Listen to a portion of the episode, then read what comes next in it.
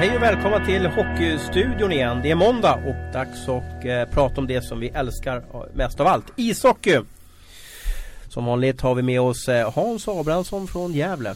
Ja, hej Thomas. Det var en bra helg helgen också faktiskt måste jag var säga. Ni, var, ni, var ni i Visby igen eller? Nej, jag var uppe i ditt kära Leksand och såg en eh, trevlig hockeymatch där uppe vad faktiskt. Vad tyckte du om mediakuben då? Ja, fantastisk. Vilken upplevelse det blir när man är i en arena med en sån där rejäl mediakub. Men du, det blev inte samma effekt som i Skellefteå tyckte jag. Det är ju för att Leksands ishall är lite större än, än, än Skellefteås var. Skellefteå mm. kändes som att man Det var som en jätte-TV som, satt, som sitter placerad mitt framför ögonen. I, i Leksand var det inte samma effekt. Nej men så är det ju men eh, den här räcker ju till gott och väl ändå. Alltså den, även om arenan är stor så känns det ändå som att den här verkligen fångar blickarna. Så att eh, den i Skellefteå kändes ju nästan oproportionerligt stor första gången han var där i alla fall. Men, men den, här, den här smälter in bra tycker jag arenan.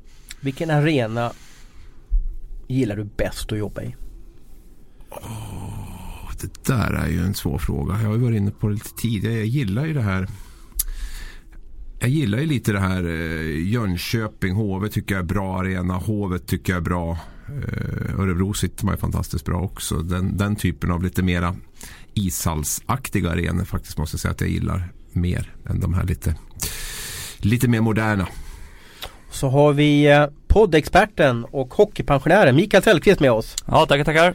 Vilken är din favoritarena då? Du får inte säga Hovet nu för det blir så tråkigt. Då, då. skulle jag säga gamla Joe Louis Arena eller Madison Square Garden. Faktiskt, eh, just på grund av lite samma här, lite, lite äldre, lite rustika, liksom lite mer eh, Ruffiga? Ja, verkligen. Alltså det är lite, omklädningsrummen är inte alltid så perfekta. Ibland så funkar inte varmvattnet och såna grejer. Så det, nej, det är någonting som Men visst är det så att, att man tror att NHL-arenorna är jättefina och sådär, och det är de ju också. Men visst kan isen vara ganska tvivelaktig där borta? Ja men speciellt om det kommer i lite varmare delstater så är det ju, kan det vara väldigt dåligt liksom. Som eh, Florida ibland så kan det vara väldigt, eh, lite som slush, alltså det blir lite liksom någon blandning av is och snö.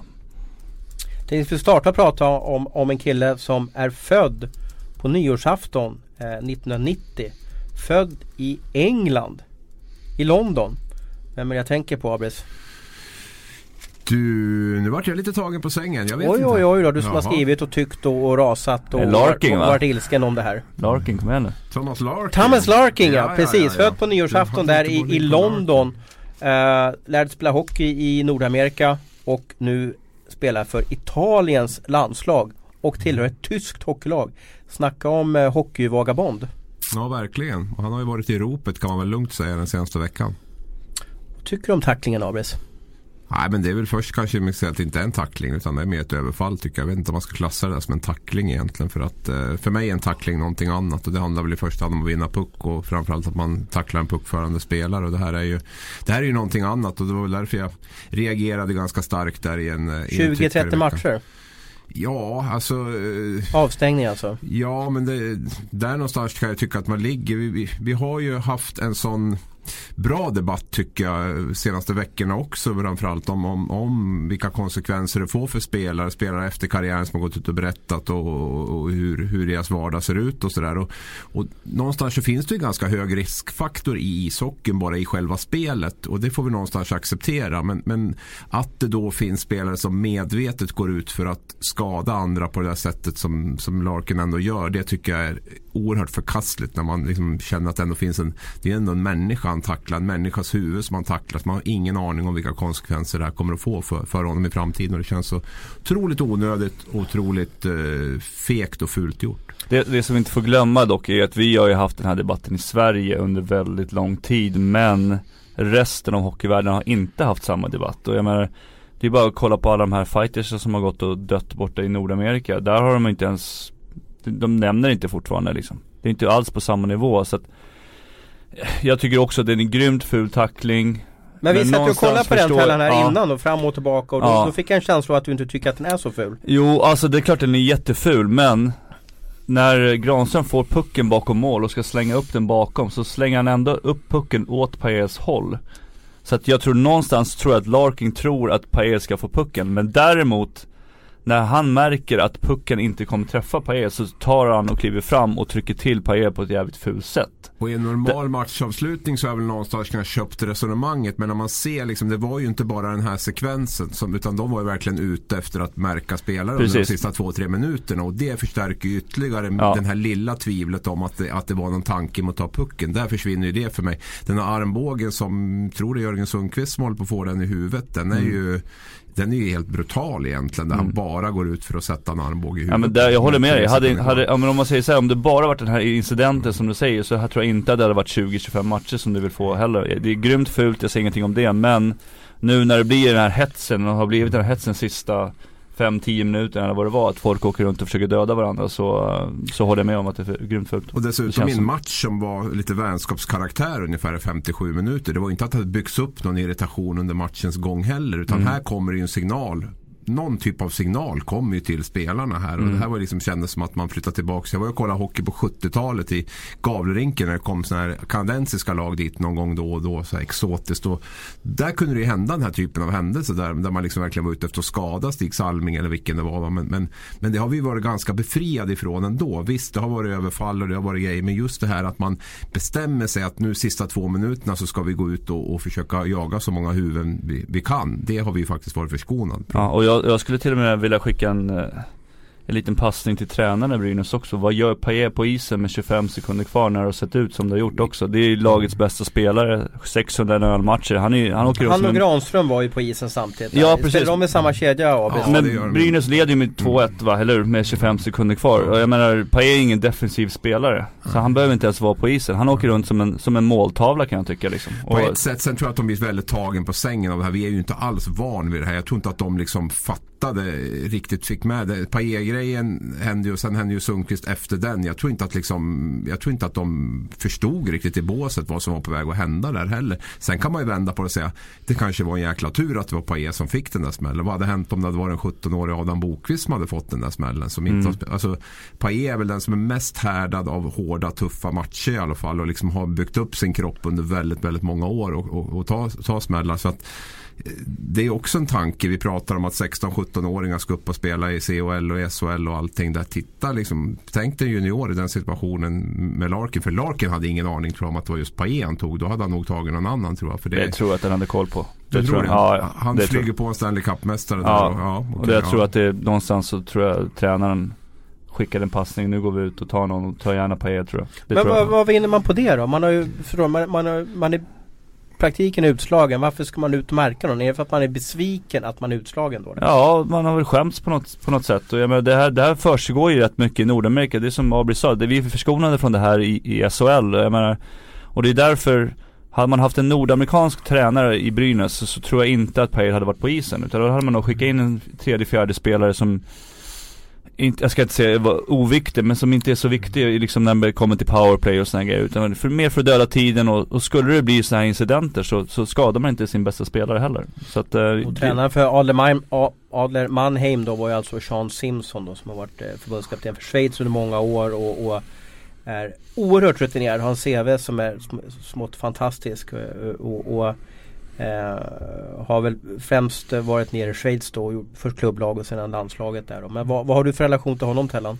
Nej alltså jag har ingen relation sådär utan jag har ju bara hört massa saker om att han är en väldigt speciell person och jag pratade med dig också innan här Thomas att du har sagt att i några presskonferenser här och var som som att han har kunnat bli lite högljudd och, och tar väl sällan eh, åt sig av kritik utan delar gärna mer ut kritik och, och sådana grejer. Det gjorde han ju efter den här matchen också. Så att eh, jag skulle nog vilja sätta jag tror att någon, något sätt så finns det något system i det som hände i, i Brynäs-matchen. Att jag skulle nog vilja säga att han får några matcher till. Han fick alltså en match, okej, okay, och vi måste gå igenom det här lite från grunden. Det är så att Champions Hockey League har ju ingen, eh, de har en egen disciplinkommitté och de har ingen möjlighet att stänga av spelare i någon match som de inte äger. Det vill säga de kan inte stänga av några matcher i tyska ligan eller i, i svenska hockeyligan utan de valde alltså att stänga av tränaren i en match i nästa Champions Hockey League-match som Adler Mannheim spelar då. Ni hör dem, de kanske inte ens, de kanske aldrig mer spelar i, i Champions Hockey League. Och Larking fick tre eller fyra matcher om jag minns rätt. Var det tre eller fyra? Tre plus en. Han fick tre, tre för tacklingen och ett för slagsmålet efteråt. Ja, och han kanske aldrig mer spelar i Champions Hockey League heller. Så det, är ju, det, är ju, det är ju konstiga avstängningar att de var relativt korta och att de kanske inte har någon funktion i framtiden. Var det här dödsstöten för Champions Hockey League? Var det här sämsta som kunde ske för, för, för ligan eller för den här kuppen den här säsongen? Ja men det var nog bland det sämsta som kunde ske det tror jag. För den debatten som har varit här efteråt nu har ju långt ifrån varit positiv för, för CHL. Så att dödsstöten Ja, kanske det sämsta som kunde hända definitivt. Det, det, här, det här har ju verkligen satt ringar på vattnet även bland supportrar. Det handlar ju inte bara om Brynäs utan det är ju bara att följa flödet så ser man att det är liksom supportrar från Luleå i norr till Malmö söder som, som bara tycker att eh, det, det räcker nu. Va? Sen är det ju som Tellan säger att det finns ju en helt annan debatt i Sverige än vad det gör framförallt i Tyskland skulle jag vilja säga. För där är jag ju själv mött tyska lag, jag mött schweiziska, österrikiska, ryska. Men Tyskland är speciellt på det sättet som de är. De tycker inte att det här är speciellt mycket att bråka om. Det kan jag lova. Liksom. Utan de, de tycker att det är en ful tackling men inte så mycket mer. Det är ju Sverige. Jag tycker även NHL måste jag säga har liksom gått i bräschen lite grann för mm. det här mm. med, med player safety och, eh, och den här debatten om vad huvudskador kan leda till. Så det, det, ska vi ha med oss. Att de tycker nog att det är fullständigt hysteriskt här uppe i Sverige som håller på och, och, och som vi gör med, med den här tacklingen. Men ska det funka med sådana här vet du, avstängda och grejer så tror jag att man, man måste nog införa ett bötessystem tror jag. Ja. Det tror jag, det tar pengar för jag menar det, speciellt i de här mindre ligorna så kommer det kännas mer för de spelarna uh, i plånboken än, än matcher. Jag tror inte de bryr sig så mycket om de får sitta på läktaren i, om de åker till Sverige, Stockholm, då kanske de går ut på krogen istället. Så att det är bättre att ta pengarna så fall. Och någonstans också så känner jag, jag var inne på det tidigare, att jag tycker att man fuskade lite med CHL. Man började för tidigt, det var liksom inte satt någonting, fanns inget tv-avtal, fanns inga riktiga prispengar. Nu kommer ju det här fram också, att man har liksom inget man har ingen befogenhet att stänga av spelare i inhemska ligor heller och det handlar ju någonstans i slutändan om spelarnas säkerhet och har man inte den möjligheten att skydda spelarna genom att stänga av dem som, som utför de här straffen så är det ju tveksamt tycker jag om en, en, en sån eh, turnering ska få, ska få fortsätta. Hur är det i fotbollen? Vet ni det? Har ni koll på det? Om man gör någonting i Champions League där? Får man fortsätta spela i Ja, det, det, kan det bra, du menar om man drar på sig en utvisning? Ja, nu, nu, är inte det samma, vad ska man kalla det för? I hockeyn blir man ju avstängd liksom oftast lite fler matcher. Ja. Ett rött kort är ju, ska ju ge en match avstängning. Men jag vet inte om det är så om det är det nästa match oavsett vi serie. Eller, eller, inte. Men, men, eh, Det går ju i alla fall under Uefa-flagg där. Så jag har ja. liksom, det är i alla fall Europeiska fotbollförbundet som, som, som driver Ja, och alla lagen vill ju vara med i, i Euro, Europe League och, och Champions League och så vidare. Här är det ju mer att jag menar, skulle Mannheim få böter för det här eller, mm. eller att tränaren Simson skulle bli avstängd i två matcher i tyska ligan. Då skulle ju Mannheim, de skulle ju gå bananas. De skulle bli galna. Först får de ställa upp på det här som de kanske inte älskar om man ska vara helt ärlig. Liksom. Kanske tycker att oh, ja, men det är en okej okay match. Mm. Men sen att de blir straffade i inhemska ligan då tror jag att de skulle liksom De skulle riva sönder eh, eh Champions mm. Hockey League styrelse liksom för att de blir straffade på så sätt. Så att det, mm. det är ett jäkla moment 22 i alla fall. Jag, jag lider lite med dem för jag tycker de har haft en jäkla stolpe ut nästan allt de har gjort Champions Hockey League. De försöker göra någonting vettigt. Du har varit inne på hotellen att du tyckte att det är ganska kul matcher mm. och spela och lite roliga resor. Men, men de, i Sverige så har det blivit så oerhört negativ stämning och klang runt hela. Så jag, jag har svårt att se hur de ska kunna vända det här. Men vi är väldigt rädda för förändring i Sverige också. Så är det ju liksom. Vi vill gärna ha vår vår inhemska liga och, och allsvenskan om man ska kunna åka upp och ner och så blir det för mycket förändring då tycker vi att det är lite jobbigt så att mm. det jag, jag, tror att det är en bra grej men de behöver verkligen se över och, liksom, och känna lite på de alla olika ligor, vad alla li, olika ligor behöver för någonting för att få det lyckas. Men problemet är ju att, att eh, om, om eh, Malmö FF möter Barcelona i Champions League i fotboll mm. är det en jättegrej för Malmö FF. Hur tror du Barcelona ser på en sån match som ett svenskt lag som ingen hört talas om? Ja men det är klart det, det... det är ju det är samma sak i, i hockeyn. Ja. När, när Nottingham eh, eh, eller eh, de här polska lagen eller eller kanske till och med de här lagen från, från Schweiz när de får svensk motstånd tycker man mm. att det är jättekul och jättestort för dem och de säljer mm. ut arenan. Men när vi svenska lagen har hemmamatch mot de här lagen då blir det ju inget intresse. Nej men det är, väl klart, det är väl klart att det, alltså det, jag tycker, det är väl självklart tycker jag någonstans att man har en sån här turnering så måste man ju bredda sporten. Eh, ha även lag och länder med som, som kanske inte tävlar om att vinna hela turneringen. För mig är det självklart. Det som är liksom problemet med Champions Hockey League är ju en del faktorer. Vi har, liksom, vi har inte vi har för det första inte de bästa med från Europa i och med att KL inte är med. Vi har en hel liga borta i Nordamerika där alla de bästa är. Det känns som att det här är liksom C-klassens spelare som är med och, och spelar. Det spelas en final i februari. Champions League i fotboll, det är liksom avslutning på säsongen med en final. Det är inga, Sista match på ja, hela klubblagssäsongen. Alltså, det är inga riktiga prispengar i det. Man har svårt att hitta eh, tv-bolag som är intresserade av att betala för det. Det känns ju väldigt mycket C-produkt över alltihopa. Sen tycker jag också att det är jättenytt. Jag tror det är jättebra för svenska lag att möta utländska lag. Få en förändring, precis som Tellan är inne på. Att vi är rädda för förändringar. Vi behöver förändringar. Vi har ju liksom en SHL-serie nu där vi har 14 tränare som tänker i stort sett likadant. Va? Och hur utmanande är det att möta de här lagen i 52 omgångar? Hur taktiskt utmanad blir man? Liksom? Där har man ju en, en, absolut en dimension i det här med CHL. Men eh, som, som det är nu så är det lite för eh, för mycket som inte är top notch om vi säger så i det, i det där. Och där kommer ju även den här regel, regelbedömningen in. Att vi, någonstans måste vi ju i det här klimatet som är med, med, med huvudtacklingar och konsekvenser vad det kan bli så måste vi hitta ett sätt att, att skydda spelarna och då kan man ju inte döma ut den här typen av straff. Mm. Nu kan ju det här leda till eh, civilt åtal. Så att det var en åklagare ja. i, i, eh, i Gävle här som har noterat att det här var inte helt okej okay och, och har lämnat in en en anmälan. Eh, vad, vad, säger ni om att bus på isen kan leda till eventuellt fängelsestraff?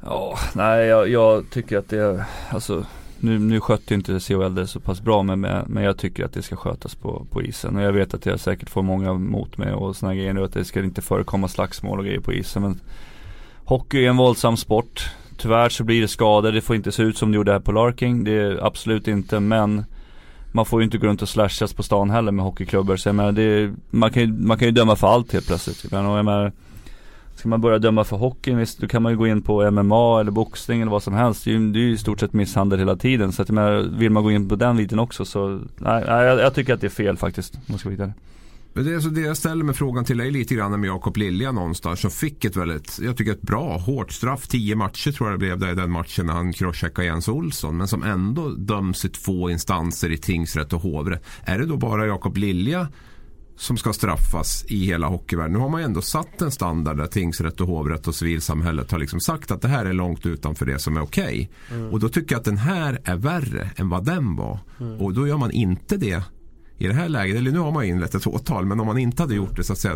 Så någonstans har man ju lagt en ribba nu och hur ska man göra då? då? Ska man inte fullfölja den där man har lagt ribban med Lilja nu eller ska han bli någon ensam syndabock där den enda som har dömts och kommer att dömas utan då måste man väl ändå ta de fall som är i, i paritet eller värre. André Devaux också där som, ja. som slashade ja.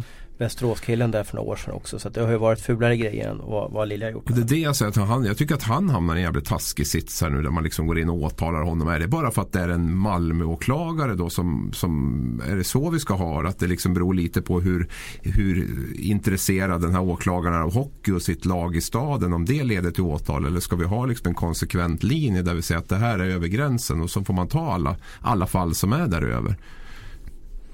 Ja, jag, jag, tycker på de, på de högre nivåerna så ska det skötas, om man säger så då, ska det skötas av av förbund och sådana grejer, typ allsvenskan, eh, SHL, Champions Hockey League. Men kanske om man kommer lägre divisioner där man inte har lika mycket koll. Det är väl där man kanske ska gå in och, och pinpointa då om, om det händer någonting som, som rättssamhället behöver ta hand om. Men eh, på högre nivå där det finns tv-kameror och det är liksom, det är mer liksom skyddat så tycker jag faktiskt inte man ska ta det så långt. Det, det kostar staten massa pengar, det kostar skattebetalare massa pengar och jag tycker att det känns Det känns onödigt faktiskt.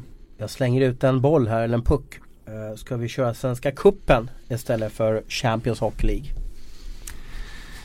Nej, jag, jag är inte helt tänd på den idén, det kan jag inte säga. Jag är väl mer för att man ska Eh, utvecklas SHL istället i så fall. Och vi, vi har enormt mycket matcher. Det känns inte som vi står och faller med CHL direkt. Eh, utan även om man lägger ner CHL eller inte deltar där så tycker jag inte att man måste hitta ett nytt eh, någon ersättare för den. Utan då tycker jag mycket hellre att man ska lägga jäkligt mycket krut på, på att utveckla SHL och, och hur vi ska spela där och vilka som ska möta vilka och vilka Du tror inte Leksand, Leksand Mora i en, en eh, semifinal i, i Svenska Cupen eller, eller Djurgården AIK i en, en åttondelsfinal eller kvartsfinal jo, det är skulle locka intresse på, en, en tisdag, enskild, på en tisdag? Jo, en sån enskild match. Men nu drar du ju liksom upp det, liksom verkligen russinet i kakan då. Du har ju säkert matcher där Karlskrona möter eh, Luleå i en semifinal i Svenska cupen. Jag tror inte att den skulle bli superhet. Men då ska, det är det som jag tänker att man ska ju lägga upp det geografiskt och tänka smart. Det vill säga liksom, oh. Jag vet inte hur många divisioner man ska, ska blanda in i det här. Men man ska ju givetvis SHL-lagen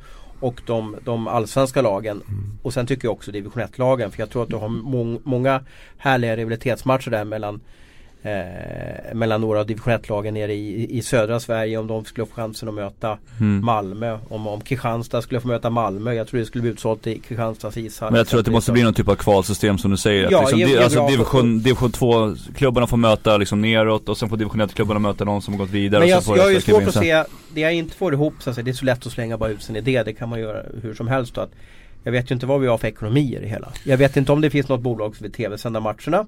Och jag har svårt att se om publiken är intresserad av att betala för att se Kristianstad mot Malmö. Så tror du Malmöfansen skulle gå och betala för en sån match? Det jag svårt att se men jag bara funderar på Vi har aldrig testat Svenska Cupen, vi har aldrig mm. haft det. Det är väldigt naturligt i fotbollen. Men... det är ett nytänk i alla fall så att jag menar, jag menar, om Djurgården skulle komma på besök i Arboga eller vad som helst så tror jag definitivt den skulle säljas ut. Det är väl inget ja, snack om det. Men skulle Djurgården åka med bästa laget eller skulle Djurgården spara Nej men det gör man, inte, det gör man, det gör man inte i fotbollen heller. Då tar man ju ofta ut, upp juniorspelare så man kanske får chansen att prova juniorspelare på, på A-lagsnivå. Så att det finns ju positiva grejer där också kan jag tycka. Så att, men eh, det är ju en intressant tanke men ekonomiskt så kanske inte hållbart, jag vet inte eh, schemamässigt om de ska ha Champions Hockey League också? Eller tänker du att man ska ta bort Champions Nej, Hockey League? Jag, eller? jag var nog inne på att man ska, alltså eh, Nu vet jag att de har avtal med Champions Hockey League något år till så att det är extremt svårt att, att bryta det och komma ur det. Och vi, kanske, vi måste ju också kanske ge dem en riktig chans. Men jag, jag funderar på nu efter det som har hänt med Melarking och negativa skrivit in. Jag, jag, jag, fast jag har bevakat Champions Hockey League många år och jag förstår tanken med att, med att bygga hockeyn över nationsgränserna så, så börjar jag liksom fundera på om det det kanske inte går längre. Eh, och, och, då vet inte jag om man ska liksom vara hockeyintresserad och, och försöka hjälpa hockeyn med att okej okay, hur ska det bli lite roligare och tuffare. Kanske en, en Svenska Cup då man testar under fyra fem år eller någonting sånt där. Man kan inte bara köra ett år, det går inte utan du måste satsa på lång sikt. Då. Men igen, jag har svårt att se att SVT eller Aftonbladet för den delen eller Bonnier-sfären skulle gå in och köpa någon rättighet för det här. Då. Ja, jag tror man ska vara försiktig nu. Det är en ganska tuff marknad att locka publik redan som det är. Och jag vet inte om det är liksom rätt att införa. Men ska vi fortsätta med Champions Hockey League då, Abris? Nej, jag är tveksam till det också. Men vad ska vi göra istället då? Ja, jag tycker att vi ska försöka utveckla Dra handbromsen alltså? Ja, den produkten. Vi har 52 matcher plus en 20-25 matcher för de som går långt i slutspelet också. Plus en diverse landslagsturneringar och, och VM-turneringar och OS-turneringar och World Cup-turneringar och junior-VM-turneringar. Så att matcher finns det tillräckligt men jag tror att vi måste försöka satsa på att göra det som är riktigt bra istället. Och det är som jag säger, det är SHL som bygger ekonomi någonstans. CHL och, och Svenska Kuppen tror jag skulle få svårt att liksom bygga ekonomi utan det skulle bara ta fler speldagar på något sätt. Jag ställde en fråga på sms eh, som jag alltid gör, eh, eller iMessage kanske man ska säga på, på, på söndagskvällen så brukar vi prata ihop oss lite vad vi ska snacka om i den här podden. Och Abrius, du var sugen att prata om Hockeyallsvenskan. Jag har ju varit i Finland i, i, i helgen här så jag har inte riktigt hängt med i bassen runt Hockeyallsvenskan. Men du var ju i Leksand och det var mycket folk. Det var ju lördagsmatch. Mm. kommer ju eh, publiken i de flesta arenor då. Uh, vad fascineras du över de där serien år? Nej men det är nog att det är så mycket folkkära lag med på något sätt. Alltså det, det känns Leksand, som att det är Södertälje. från 70-talet när jag började gå på hockey liksom med, med Södertälje, Leksand, Modo, Timrå, Björklöven. Västerås åkte väl ur nu i och för sig och, och sådär. Men det, det, finns ju, det finns ju många, många klassiska lag med i, i den där serien. Och det har ju AIK nämnde jag kanske inte heller. Mm. Liksom. Så att det, det, är ju, det, det är det jag tycker är lite häftigt där. Att det finns ett jäkla jäkla hockeykultur i många av de där eh, lagen. Sen är väl inte hockeyn femstjärnig, det ska jag långt ifrån påstå. Fast det händer lite annorlunda grejer, eller hur? Pucken är lite var som helst på banan och då, ja. då ger det lite roliga ja. händelser. Är det bra Tellan att vi har två serier som lever? Eller borde vi ha kanske typ Leksand AIK i SHL och satsa på SHL som den absolut roligaste och bästa ligan? Oh, det där är svårt också. Jag, jag, förut så tyckte jag att man skulle stänga SHL och plocka upp de klubbarna som som var stora namn, typ Timrå, Lite, NHL, lite NHL Ja, och sen alltså. har man liksom en, en utvecklingsliga i, vet du, i, i allsvenskan. Att man kör alla juniorer, att man liksom man har, ett, man har ett lag som man samarbetar med liksom. Eh, så man får in det här Det är väldigt osvenskt. Men har du, ja. gått, har du gått ifrån de tankarna nu eller? Ja, jag tycker ju ändå att det är lite kul med just det här chansen, det här, det här kittlet nu när man inte spelar själv, att hamna i den här kvalserieaktet. Det, det är rätt spännande alltså. Det, det säljer ju också den här drömmen om att kunna ta klivet upp men nu för tiden är det inte bara att ta klivet upp som gäller heller. Det gäller ju att ha ekonomi också. Det, nu finns det ju klubbar i SHL som har problem också i år och inte kan betala ut pensionsförsäkringar och, och sådana grejer också. Så att Ja, jag är lite kluven men jag, jag, skulle vilja se mer av en utvecklingsliga, att man kan liksom låna spelare fram och tillbaka. Man har någon klubb som man samarbetar mycket mer med än vad, att man liksom väljer typ Brynäs och Almtuna eller vad som helst eller någonting sånt. Men du har ju spelat i väldigt många år i lag som, som kanske inte har haft chansen på att gå hela vägen och, och, och vinna någonting. Jag tänkte på Riga mm. och, och eh, Toronto under några år hade ju mm. några tuffa år. Ja, Phoenix också. definitivt. Phoenix också ja. Eh, och sådär. Vad hade ni för nerv på säsongen sista 20 matcher eller 15 matcher? Det var om man skulle bli tradad eller inte. Det var nerven. Så, ja. För här i Sverige få... måste det ju vara mer spännande att följa ett lag Oj, håller vi oss kvar i alla fall då? Nej men där var det ju också så att när man, när man hamnade i slutet av året eller någonting så ville man ju ändå prestera för att Om inte för laget, för, för sig själv. För att det är kontraktsförhandlingar uh, Jag menar, spelar du så pass bra och blir het så kanske du kan ha chansen att hamna i en klubb som har chans att vinna Stanley Cup. Alltså men du får, man får byta tankesättet lite grann där borta. Det är inte liksom man brinner inte för samma klubb på samma sätt, man har inte samma klubbhjärta utan där jobbar man mer för sig själv, man spelar i ett lag Man vill att det går så bra som möjligt för laget naturligtvis men i slutändan så handlar det om att man, man vill hamna någonstans där man kan vinna och få chans att vinna Stanley Cup mm. Men tror du, eh, om vi ser snittet här AB senaste åren då Så har ett lag åkt ur SHL mm. Tror du att det blir så år också eller har skillnaden mellan, mellan divisionerna blivit för stor? Nu är det Timrå som mm. är klart bästa laget mm. i, i Hockeyallsvenskan. Mm. Och alltså lag 15 i hela Sverige. Det kanske inte var det laget man trodde skulle vara och där uppe högst upp och hugga mot, mot eh, ja vad nu blir Rögle och mm. Karlskrona och kanske Örebro då. Nej men alltså man har ju lärt sig lite av, av historien här med det här. Man har ju tyckt ändå att liksom, skillnaden har varit för stor. Men när det kommer till en sån här match, liksom, head to head i bästa sju matcher så, så tror jag fortfarande att det finns en, en chans för, för, för allsvenskt lag att, att utmana ett SHL-lag. Definitivt. Men det är ju den här mentala faktorn som, eh, som spelar in Eh, i ärlighetens namn, tittar vi på Timrås laguppställning och har ställt upp med den i SHL inför, inför eh, säsongstart så hade de ju varit garanterat tippad sist i, i, av alla och eh, man har sagt att det här laget räcker inte i SHL. Men i en sån matchserie, om det nu blir Timrå eller något annat lag, jag tror fortfarande att chansen finns. Och det som blir intressant är ju hur SHL tänker nu när man har så många klassiska klubbar, ganska stora städer i vissa fall som ligger i allsvenskan. Kommer man och, jag tror inte att man kommer att strypa uppflyttningen mer än vad man har gjort tidigare. Snarare tvärtom så tror jag nog att man tittar på, på idéer. För jag, jag vet inte om vi har råd att ha de här lagen nere i allsvenskan. Jag är definitivt inte för någon stängd liga, det ska vi säga direkt. Utan jag vill ju naturligtvis att man ska kunna åka ur och gå upp. Men som det ser ut nu så tror jag eh, att eh, det är lite för många lag i allsvenskan nu som skulle behöva vara uppe i SHL för att mm. skapa riktigt bra. Det är stora publiklag om inte annat. Ja men verkligen. Det det. verkligen. Som skulle kunna sälja hockey på ett helt annat sätt. Terran, du måste få utveckla lite den här mentala faktorn som du ändå spelat eh, eh, hockey på extremt hög nivå i, i 16-17 år. Eh, vad är det som gör att ett lag som, som har gått dåligt en hel säsong i 30, 40, 50 matcher kan förlora mot ett lag som, som på pappret är sämre och spelar en lägre division? Varför är den mentala faktorn så viktig i de här head-to-head matcherna eller kvalserien som det var förut? För att helt plötsligt så handlar det inte bara om hockey. Det handlar om liksom andra människor på kontoret, människor på bygden. Det handlar om andra företag som, som tjänar pengar på den klubben. Så det handlar inte bara om en hockeymatch. Det är det som blir skillnaden. Pressen blir ju så helt mycket stor. Helt plötsligt så, så har du bara haft 20-25 killar du ska stå för. Helt plötsligt så har du till exempel som uppe i Övik, jag vet, nu vet jag inte hur många som bor där men det är väl en 40-50 tusen människor i alla fall. Som brinner och har på ett eller annat sätt liksom är involverade i klubben. Med företag och sådana grejer. Så att det är ju där jag hamnar någonstans. Och, och det är då som man måste ha en, en stark sista utpost. För att det handlar handlar inte, hand, oftast om målvakten och det gäller ju det allsvenska laget också. Ska man bygga ett lag som ska gå upp i SHL eller vara med i de här kvalmatcherna så måste man ha en stark målvakt. Som kan klara av och kan bli het i de här matcherna för att det är ju där det kommer hända. Man kommer behöva ha en målvakt som som, som kan stå på huvudet och rädda 40-45 skott som Haukland gjorde när han gick, tog Leksand upp liksom och, och sådana grejer. Det är där man måste, måste sikta. Ser du en röd tråd då av de klubbarna som åker ur? Du har ju inte varit Leksand som har hoppat upp och ner här de senaste tio åren. Men du har varit i Modo och du har varit i Djurgården som har varit mm. Djurgården har varit nere och vänt och, och Modo har ju fortfarande inte kommit tillbaka. Mm. Ser du någon röd tråd där? Vilka klubbar som fallerar och inte klarar av att hålla sig kvar i högsta serien? Nej men det, det, har väl lite med hur säsongen har sett ut att göra också. Jag menar, går man in Men inte en nedåtgående trend också? Djurgården hade ju också nedåtgående trend efter SM-finalen mm. 2010, den magiska mot, mot HV71. De har varit sämre och sämre för varje år. och sen åker de dit. Modo har också varje år som gått byter tränare, ja. byter sportchefer och sen åker de dit.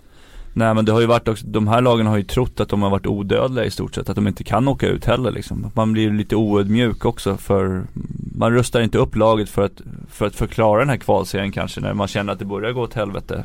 Eller någonting så, utan man, man tror liksom att man ska klara sig hela, hela vägen och sen när man kliver in i den här kvalserien att det ska vara lugnt liksom.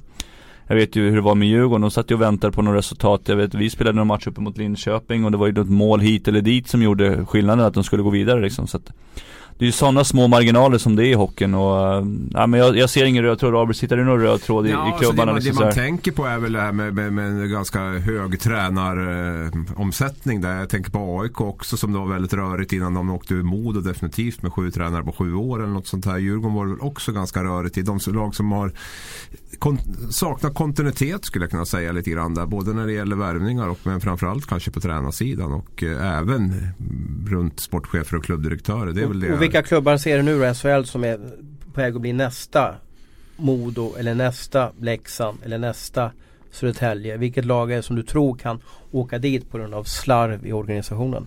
Alltså slarv vet jag inte med Karlskrona där, men det känns ju någonstans som de har en väldigt liten organisation på något sätt. Haft väldigt svårt att liksom förvalta det här SHL, Att vara med i SHL och liksom kunna dra in mer pengar än vad man har. Så där, där känner jag väl faktiskt en, en, en oro framöver. Eh, det är väl lite samma sak där med Mora om de på något sätt liksom klarar man att komma upp på den här 40 miljoners nivån med, när det gäller spelarbudgetar och så eller kommer man att ligga kvar liksom komma upp till 27, 28, 29 liksom eller, så de två klubbarna där kan jag ju känna.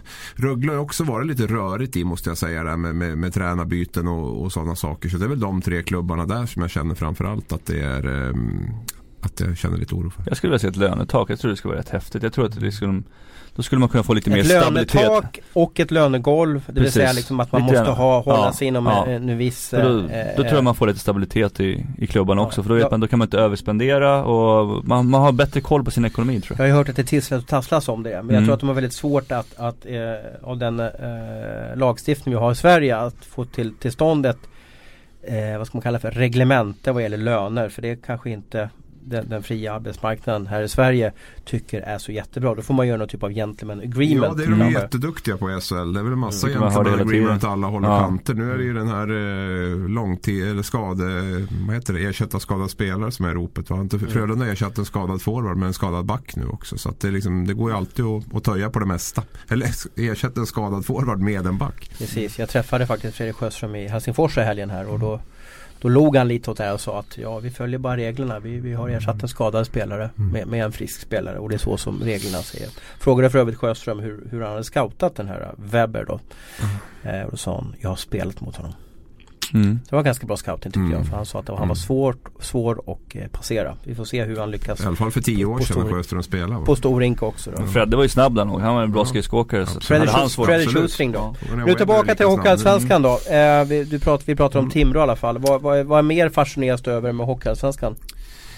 Eh, nej men Timrå, Timrå är bra. Sen alltså, har ju varit mm, jag fascineras av Timrå. Det, fick jag, det har jag redan sagt att jag har gjort. Deras unga spelare där. Jag tycker Oskarshamn är intressant. Alltså, säga vad man vill om Björn Hellkvist. Eh, man har ju lite både och där. Men han, han har en förmåga att få sitt lag att jobba förbannat hårt och spela väldigt strukturerat. Som gör att han är en jäkligt intressant tränare. Jag tror att han har en stor del också i det Malmö byggde upp där nere i under några år. Så att eh, Oskarshamn tycker jag var en, eh, var en intressant. Sen har jag fascinerats naturligtvis av de här svängningarna som har varit med de här långa segersviterna och de här långa förlustsviterna som många lag har haft. Det är helt otroligt där med Modo, AIK, Leksand. Alltså det hamnar om fyra, fem, sex matcher i rad där man antingen vinner eller förlorar. Och sen svänger det över och så börjar man förlora matcher eller vinna matcher. Det, det har jag inte riktigt varit med om tidigare. Att det har svängt i allsvenskan, det, det har det gjort tidigare också. Det är ju väldigt jämnt. Det är tio lag jo, inom tio 10 poäng då. Många mm. lag, alltså att man förlorar så många mm. matcher i rad och sen vinner så många. AIK mm. är väl det tydligaste exempel. Där tror jag det var 4-4, 4-4 i stort mm. sett hela, hela vägen.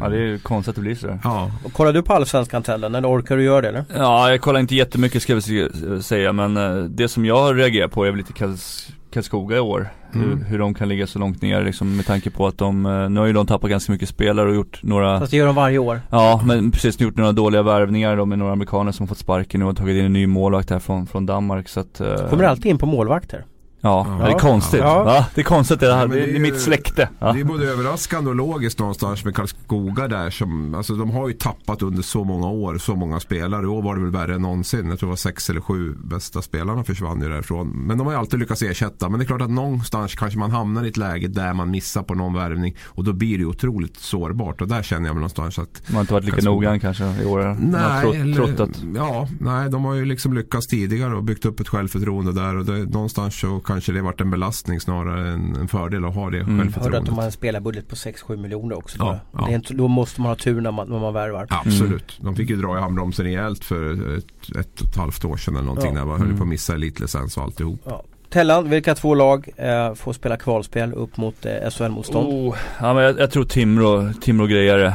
Uh, du vet att det var exakt samma läge i fjol för ja, Timrå och sen, ja, var, sen kom raset. Ja, och ja. då var Elias Pettersson och Dahlén och Löke mm. iväg på JVM också. Det måste vi väga in där för de tappade väldigt mycket under den perioden. Och, eh, så att, och den risken tror jag inte är i år. Att jag tror inte att de här 0-0 med Hollander och Olofsson kommer att ta plats i JVM-laget. Så att, eh, det talar för Timrå tycker ja, jag. Och målvakten, en målvakt som har gjort det, återigen målvakten Roos, jag är ledsen alltså, mm. jag hamnade med Haukland. Han har ändå gjort den här resan förut och han, han känns stabil. Han har 94,5% i år eller någonting. Så det känns riktigt bra faktiskt. Vad känner du med Haukeland? Jag måste fråga dig, du som är målvakt. Vad, vad, ja. ser du på honom? För, ja. Nej men han, han, han, har inte riktigt kommit upp i SHL-klass än. Däremot så när han, när han pikar så är han ju liksom, då är han ju topp liksom. Han, och han, han har ju visat tidigare att han har en att han kan pika under längre tid också i sådana här serier. Så att, eh, men Ja, nu har inte jag sett jättemycket av han i år men jag, när jag såg han förra året så Vissa matcher är jättebra men sen bland, han blandar lite för mycket. Han är lite för ojämn om man ska säga det så.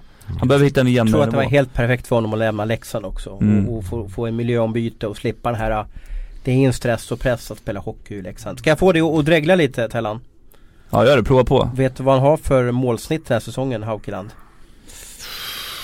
Nej jag vet bara att han har 94,5 räddningsprocent vet jag 1,26 Ja, det är grymt Men vad, eh, du tror på Timrå i alla fall. Men eh, måste stanna vid Haukeland lite där. Vad är viktigast för dig? Målsnitt eller räddningsprocent?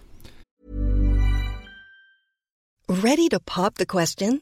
The jewelers at BlueNile.com have got sparkle down to a science with beautiful lab-grown diamonds worthy of your most brilliant moments. Their lab grown diamonds are independently graded and guaranteed identical to natural diamonds, and they're ready to ship to your door. Go to Bluenile.com and use promo code LISTEN to get $50 off your purchase of $500 or more. That's code LISTEN at Bluenile.com for $50 off. Bluenile.com code LISTEN. Vin, vunna matcher. Så, det är det det går ut på. Så sa Stefan Eva också alltid ja. förut att jag struntar i de där siffrorna utan jag vill bara ha antal wins. Det var ja. det som var intressant då. Så här, stats are for losers unless you have good ones brukar man säga borta i Nordamerika och det stämmer faktiskt. Jag menar, och målsnitt det är också ett bevis på hur hela laget är tajt. Alltså det är inte bara målvakten, det är hur de, hur de släpper in eh, skott på ja, mål. Ja precis, de... men du kan ju ha 15 skott på match liksom. Och, och då får du ju ganska lågt goals against average, eh, definitivt. Du, du är inne på Timrå i alla fall mm. Tellan. Vilka andra lag tror du får chansen mot, mot de här lagen eh, från SHL? Ja, vilka ska jag säga? Men eh, Någonstans så brukar ju AIK kunna trassla sig in i det där ändå till slut. Eh, de, de har ju varit lite ojämna som vi snackade om här. De har vinner fyra, torskar fyra och vinner fyra igen men Ja Modo med säcken där uppe, han, han brukar få ihop det också. Det, det är väl de tre som jag, som jag fastnar för. Timrå, AIK och Modo just nu. Och Leksand naturligtvis ska vi vara med där med deras lag också men eh... Du måste se ett lag nu. Nu har, nu har du Ja jag vet, jag bladdar iväg mm. Det är för mycket puckar i huvudet. det är därför. Det är, det är ja, men jag säger Modo, jag säger Modo. Modo. Jag säger Modo. Ja. För att Säcken har bra ledarskap där. Han brukar kunna lösa det. vad säger Abris då? Vilka ja, jag två säger Tim, Timrå och Leksand. Och så har jag faktiskt Oskarshamn som en liten utmanare där. Varför tror du Leksand eh, med den press som finns där uppe? Alltså med... Ja någonstans är ju kvalitet. Jag, jag håller med. Jag tycker inte kanske att det fungerar klockrent än och man får inte ut max av alla spelare. Men det finns ändå så pass mycket kvalitet där uppe jämfört med de, med de andra lagen. Så jag tror att de kommer och, och jag tror också att de kommer att förstärka det som behövs där. Jag tror att det är lite jag tror de kommer att gå, om inte all in så, så, så kommer de nog lägga väldigt mycket på att försöka gå upp i år. Och jag tror att jag blir inte jätteförvånad om det kommer upp en ny målvakt till Leksand heller. Innan kvalserien startar. Mm. Vi får se vad de gör. De har ju Per-Agnar Bergqvist i styrelsen och det är en gammal målvakt så att han, han är väl engagerad i den frågan kanske. Tex Williamson har ju inte tokimponerat så här långt tycker jag. Det var ju snarare norrmannen Arntzen var det bättre där kanske. Och eh, frågan är hur de tänker, som Tellan har ju varit inne på det, jag satt bara och gnugga händerna. Men, men just målvaktens betydelse i ett kvalspel där. Jag, mm. jag har svårt att se att de inte agerar. Det som är fördelen med en ung målvakt då är att man har liksom inte samma tankesätt. Liksom. Man har inte riktigt fattat vad det är för konsekvenser om man går upp eller går ner heller. Utan man slappnar av på ett helt annat sätt och bara går in och kör. Då får du vara sportchef i Leksand nu Tellan. Skulle du gå in i kval med eh, Arntzen och eh, Williamson som målvakter där en SHL-plats, ja jag ska inte säga att Leksand står och faller med det men där är den otroligt viktig. Ja man har ju ändå trott på det någonstans från början så då måste man ändå stå sin alltså, Målvakt är ju svårt att byta ut bara, det är svårt att hitta bra målvakter. Det finns ju, alltså oftast som, som målvakt så finns det någon på marknaden som har ju redan fått sparken och då kommer man in med lite skadat psyke redan från början. Så att, jag tycker att när man sätter laget från början så ska man ha tanken att man ska, de här målvakterna ska kunna ta oss upp till SHL. Man ska jag inte hålla på och byta ut. Kunna, jag tycker att man ska kunna titta under säsongen och, och, gå in och vi testar det här. Känner vi att det är trygga med det och funkar så kör vi, annars så agerar vi lite grann. Så tycker jag att man kan agera som sportchef där. Jag, jag tänker på sån som Johan Holmqvist som sitter i Gävle. Skulle mm. du skulle du kunna tänka dig att ringa till honom om du vore Leksand?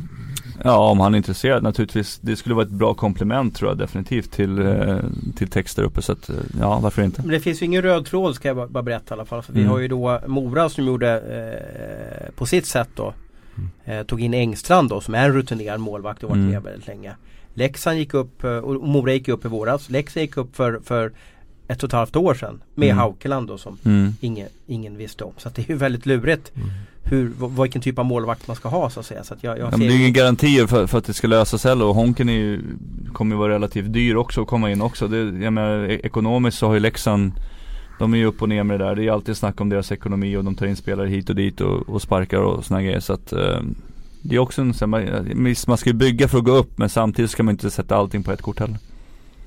Bra tugg i alla fall. Eh, kul för, för alla läxingar att höra att Hans Abrahamsson tror på laget eh, och vi får se. Det kommer bli en spännande vår i alla fall. Det, det är ju, vi har ju bevakat många slutspel och kvalspel du och jag Abris och, och de här bästa av sju matcherna eller kvalscen det är ju häftigt alltså. Jag tycker ja. nästan det slår ut SM-finalerna och få se de här matcherna när ett lag tar sig upp. Den glädje man ser i omklädningsrummet och, och, och på isen bland fansen det, det, det är obetalbart. Är det. Ja, nej, det är, jag håller helt med dig där. Och det finns ju en, alltså en, en sån kittlande... Man var, ju, man var ju orolig över det här med kvalserien, att den skulle försvinna. Jag tycker att det här nya systemet är så mycket bättre på, på både sportsligt och eh, Bästa sju matcher. intressemässigt. Mm. Ja, jag, jag det blir mer rättvist. Det, ja, och det är ju fortfarande Ja, det är ännu mer kittlande nu än vad det var under, under kvalserien. Mm. Det blir spännande 2018. Du ska på giva först, sen blir det OS och sen blir det in i torktumlaren med, med, med playoff och slutspel. Vi, eh, vi stannar lite med målvaktsfrågan där. Eh, vi älskar ju målvakter här i Hockeystudion. Och igår så, så kom det ut en liten intressant fråga på sociala medier. Varför aldrig målvakter blir intervjuad i spelarintervjuerna i periodpauserna. Och då tänker vi på de som ofta syns då i Simor då. Eh, och då svarade eh, Björn Oldén då som är eh, tv-kommentator på, på Simor att ja, de vill aldrig prata. Och vad, vad, är det här för något? Är, är, ni målvakter känsliga att ni inte kan ställa upp på en intervju i periodpauserna Tellan? Eller vad, vad kommer det här ifrån? Jag har faktiskt ingen aning. Uh, jag har aldrig fått frågan. Så att man är ju inte dum som går och säger, ah, men jag vill göra en intervju. Utan det, man har aldrig fått frågan helt enkelt. Mm. Det har varit en sån här oskriven regel att man pratar inte med med målvakten liksom Varför under match. Varför är det då så att säga? För det här är ju Jag, jag, jag fascineras ju av målvakt. Jag tycker ju att, att, att, det finns väldigt stora profiler bland målvakter. Men, mm. men det är mm. precis som att när man går in i ett slutspel, ja du får aldrig intervjua en målvakt då. då blir det, nej han ska fokusera på, nä han ska fokusera på nästa ja, match. Ja, var det Växjö där med ja. Växjö också. också. Ja, okay. och, ja, och då står man där, okej, okay, ja, men fansen vill ju höra vad, vad, vad han säger om, om sin match. Och då får mm. fansen inte höra det för att då ska han fokusera på nästa match om två dagar. Är ni är målvakter känsliga varelser?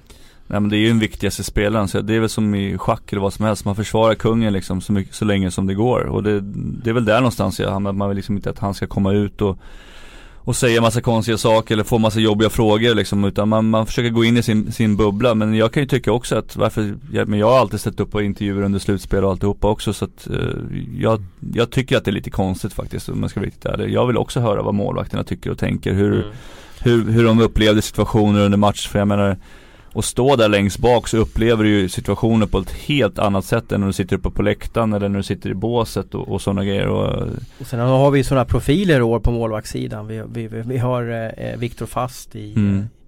i Växjö och vi har Frölunda har Johan Mattsson och Gustavsson och Jocke Eriksson i, i Djurgården och så vidare. Så det är ju stora stjärnor också då så att mm. säga. Så att, eh, men jag har också känt att det finns en vad ska man säga Ska man intervjua en målvakt så är det precis som att man kan sabba för hela föreningen liksom, mm. för att man är nästan Men är det någon som har frågat då liksom? Det finns ju ingen regel som säger att man Nej, inte får göra det. jag satt och och kollade men jag, jag hittade ingen regel utan att spelare ska ställa upp i tv-intervjuer. Nu är det här i Simor versus SHL så det får väl de diskutera. Men det var en intressant fråga för det När jag väl såg den så tänkte jag att ja för att Nej jag har nog aldrig sett en, en målvakt ställa upp i en spelarintervju med, i periodpauserna.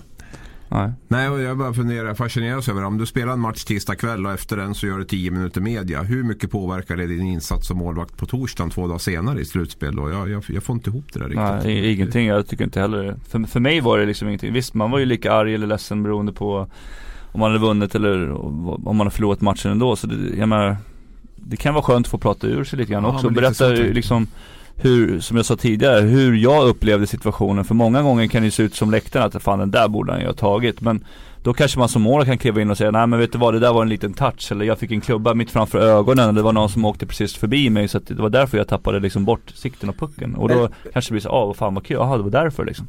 Eller kan det vara så att man som målvakt blir liksom lite orolig när man får fråga efteråt varför tog du inte den där pucken? Är det så att man får lite hjärnspöken då och inte gör lika bra ifrån sig i matchen efter?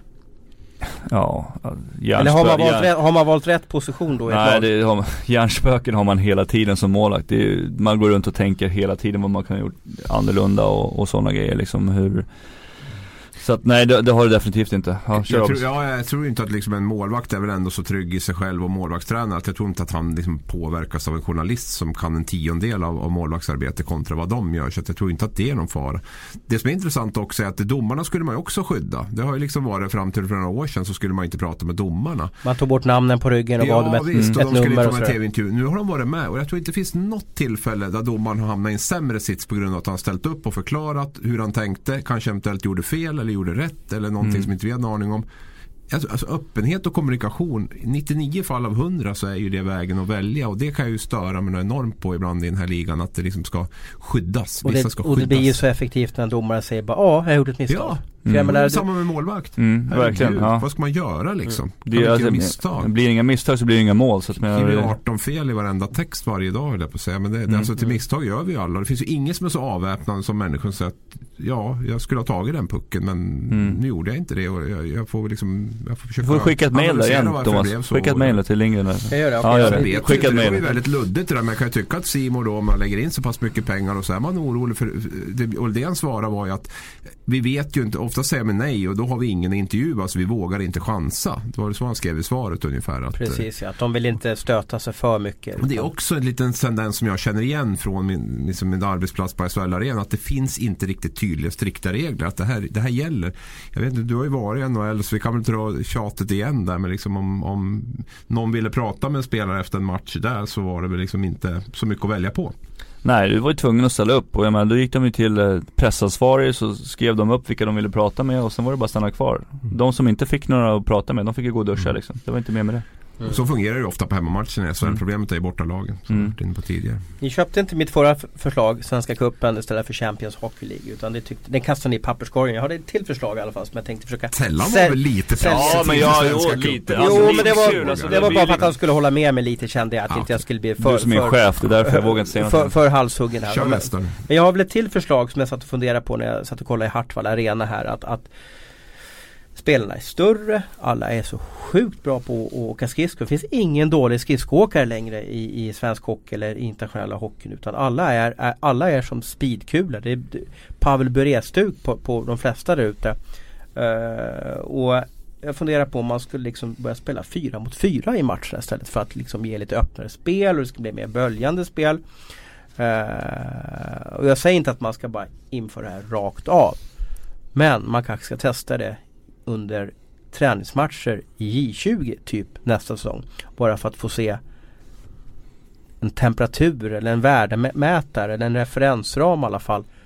Vad får vi för typ av hockey? Nu blir det ju oerhört svårt om SHL och Hockeyallsvenskan och division 1 i Sverige ska gå ner och spela 4 mot 4 och spela hockeyvärlden 5 mot 5 då. Men, men skulle 4 mot 4 på en hockeyrink bli roligare hockey? Jag tror att du är ute och cyklar nu För då blir det mm. inte hockey längre. Eh, det, det är ju någonting annat. Hockey ska spela. Man ska inte hålla på och ändra för mycket på reglerna tycker jag. Det, alltså det, det, Men är det inte farligt om, om, om vi liksom går mot en produkt där, där det bara jagas över hela isen? Abris har gnällt på att de spelar, alla lagen spelar lika. Att det, är sam, det ser, det ser ganska tråkigt ut. Ja men Abris var inne på det här tidigare och det, det här, just det här med rinkmåtten. Alltså att alla lag får välja olika rinkstorlek tror jag skulle vara jäkligt spännande. För då kan man bygga, alltså du har ju Luleå och Djurgården som alltid har liksom har grundat sitt spel på att vara lite brunka liksom. Det ska vara lite tufft att komma in på HV. Det ska vara tufft att komma upp till, till arenan uppe i Luleå liksom. Mm. Så, ha mindre rinkar där och sen har man lag som kanske vill spela lite mer med pucken typ Frölunda, Skellefteå. Då har man större rink där. Då blir det olika typer av spel liksom. Då måste man anpassa spelet till rinken man kommer och då tror jag det blir mycket mer spännande. Men Tellan, minns du World Cup för, för 14 eh, månader sedan? Mm. Kommer du ihåg eh, förlängningen Sverige mot eh, eh amerikanska eller nordamerikanska U23-landslaget. Det gör jag inte så jag på gör inte Nej. Jag vet att du minns det. Vi satt och, ja, och vi satt och tjöt på läktaren ja. och, och, det var några av de häftigaste 3.50 eller vad det tog innan, innan Nordamerika eh, avgjorde den där mm. matchen då. Aldrig sett en sån hockeyunderhållning. Eh, eh, nu var det ju fantastiska lirare där men det mm. var ju för att det var så öppet spel också. Mm. Nu var det tre mot tre. Jag, jag vågar ju inte riktigt eh, gå dit. Eh, men eh, Fyra mot fyra, eh, vad säger du om det ja, men alltså Min första tanke är att det blir ännu färre att, spela pucken till i så fall. Jag får för mig att det blir ännu mer jagande på något sätt i, i, i, i spel 4 mot 4. Jag, jag är inte jättepositiv till det. Jag tycker också att vi ska behålla jag vet inte om det ska bli. Det känns som att det är Centern som åker i så fall. Och det känns ju otroligt tungt för en gammal Centerälskare som mig. Så att, nej, jag tycker, jag tycker mycket mer som, som jag varit inne på tidigare som Tellan tar upp nu. Hellre förändra rinkmåtten lite grann, prova med det, testa. Det är ett bra test också. Om några lag kan ha det så kan vi se och utvärdera lite grann också. Det kanske ett... Men kan man ha olika mått då? Det är, Finland har väl Helsingfors? Ja, varför skulle man inte kunna mm. det egentligen? Varför inte? Fast det blir så eh, skillnad på... Ja, på... det är inte kul. Vi behöver inte NHL-mått. skillnader vi vill ha. Det är, I så fall, om vi går på mitt resonemang så är det ju skillnader vi vill ha. Och då måste vi, då, då ser jag inget problem med det. Utan det är det är väl bara bra. Det är som jag säger med CHL. Möta annat motstånd, utmanas taktiskt lite mm. grann. Det tror jag utvecklar hockeyn. Alla spelar lika.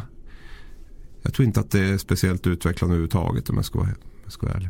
Hur blir hockeyn på, på igen, mina idéer kastas bara i papperskorgen här men det är helt okej. Vi måste ändå kunna ha högt Bra jobbat ändå. Va? Men, men eh, liten ring då Tellan, det här har vi pratat om i tio ja. års tid och jag, jag vet inte hur många artiklar jag skrivit om det att det alltid är någon per säsong som säger inför små rinkar i SHL.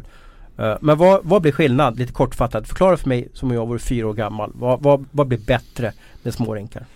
Du hinner inte ställa upp på samma sätt. Kände jag om man kollar på de här ställa upp, då, ja, ställa upp på styrspel hockey. eller vad som helst. Utan ofta så blir det en retur och då så är det någon som sticker och, och så eftersom rinken är mindre så kan det komma in mer på mål också. Så varje skott blir liksom lite mer farligt på något sätt. Och skott från från nu, från toppcirkel eller från, från sidan av cirkel känns som att liksom, målvakten kan stå och gäspas och ta pucken. Nu blir det liksom att allting blir mycket närmare på något sätt. Det blir lite mer tacklingar, det blir lite mer, man måste tänka lite mer som, som spelare också. Det blir, det blir snabbheten, inte bara snabbhet att åka fort utan snabbheten blir ju händerna också. Det är mm. det som jag tycker men, är kul. Men är det inte att vi, vi har ju en NHL-romantik i Sverige och jag är NHL-romantiker också men det är ju för att spelarna i Nordamerika eller NHL i synnerhet är ju bättre än de i SHL. Det är ju därför produkten, hockeyprodukten i Lanterolien den blir bättre i Nordamerika. Men då tror man kanske att ja, man inför små rinkar så blir det bättre spel i SHL men vi har ju fortfarande Tredje, de, de spelarna som kommer vara här, de kommer ju utvecklas då också samtidigt när de får spela på mindre rink också och kommer bli bättre på, på hantering av puck och, och sådana grejer också. Så att utvecklingen tror jag kommer gå framåt också. Så att, men man väljer ju själv, det är det som är grejen. Det var det som är, vore roligt faktiskt. Man får välja själv vilken typ av rink man vill ha. Ja, jag tycker inte heller, jag, jag håller med dig i ett resonemang Thomas. Jag tror också att, men du, men du tar ju upp 3 mot 3 World Cup. Ja visst, med de spelarna har kunnat spela 10 mot 10 så har det säkert varit underhållande också. Eh, och det, alltså, jag, jag är inte så här så jag tror, gör 26 meter bred rink och så kör vi det i SHL så blir det jättebra. Jag tror inte alls det. Men däremot kanske man kan testa med något lag som har 28 meter bred rink då, istället för 30 som vi har standard nu då. Och testa på det där och, och, känna hur det känns. Och plus att vi får lite olikheter i, i sättet att spela också. Då. Mm. Eh, nu har jag slängt fram massa idéer. Har du ingen till? Nej, jag har ingen Men då får ni komma med någon bra idé. Hur gör vi så att hockeyn blir lite roligare och tuffare och, och fränare och coolare? Så att folk bara eh, måste se eh, antingen Hockeyallsvenskan eller SHL.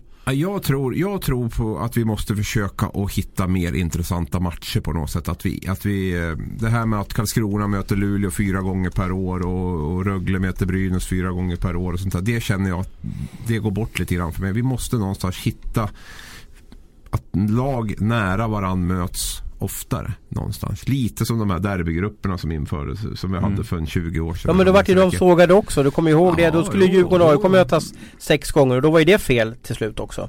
Ja, jo, men det var ju fel då. då. Men jag, jag kan tycka att, det, att för, mig, för mig känns det ganska givet att man får det här med bortafans som har en bra möjlighet att åka till matcherna. Det blir ett helt annat intresse mellan de här lagen. Man, man spelar fler matcher som är in, med intressanta motståndare och färre matcher mot eh, lag som kanske inte har den här regionala närheten eller, eller historien mellan varandra. Så att eh, där någonstans tror jag att man måste försöka jobba in det på något sätt. För det är, eh, det är som är inne på spelschemat i VM, hockey också, där vi liksom åker och möter fem dåliga lag och två bra i gruppspelet. Och liksom jag känner att det, det nej, där måste man titta lite mer. Mm. Inför derbygruppen säger Hans Abrahamsson. Vad säger Tellan då? För, för eh, det jag ska författa i mitt mail här till, till Jörgen då.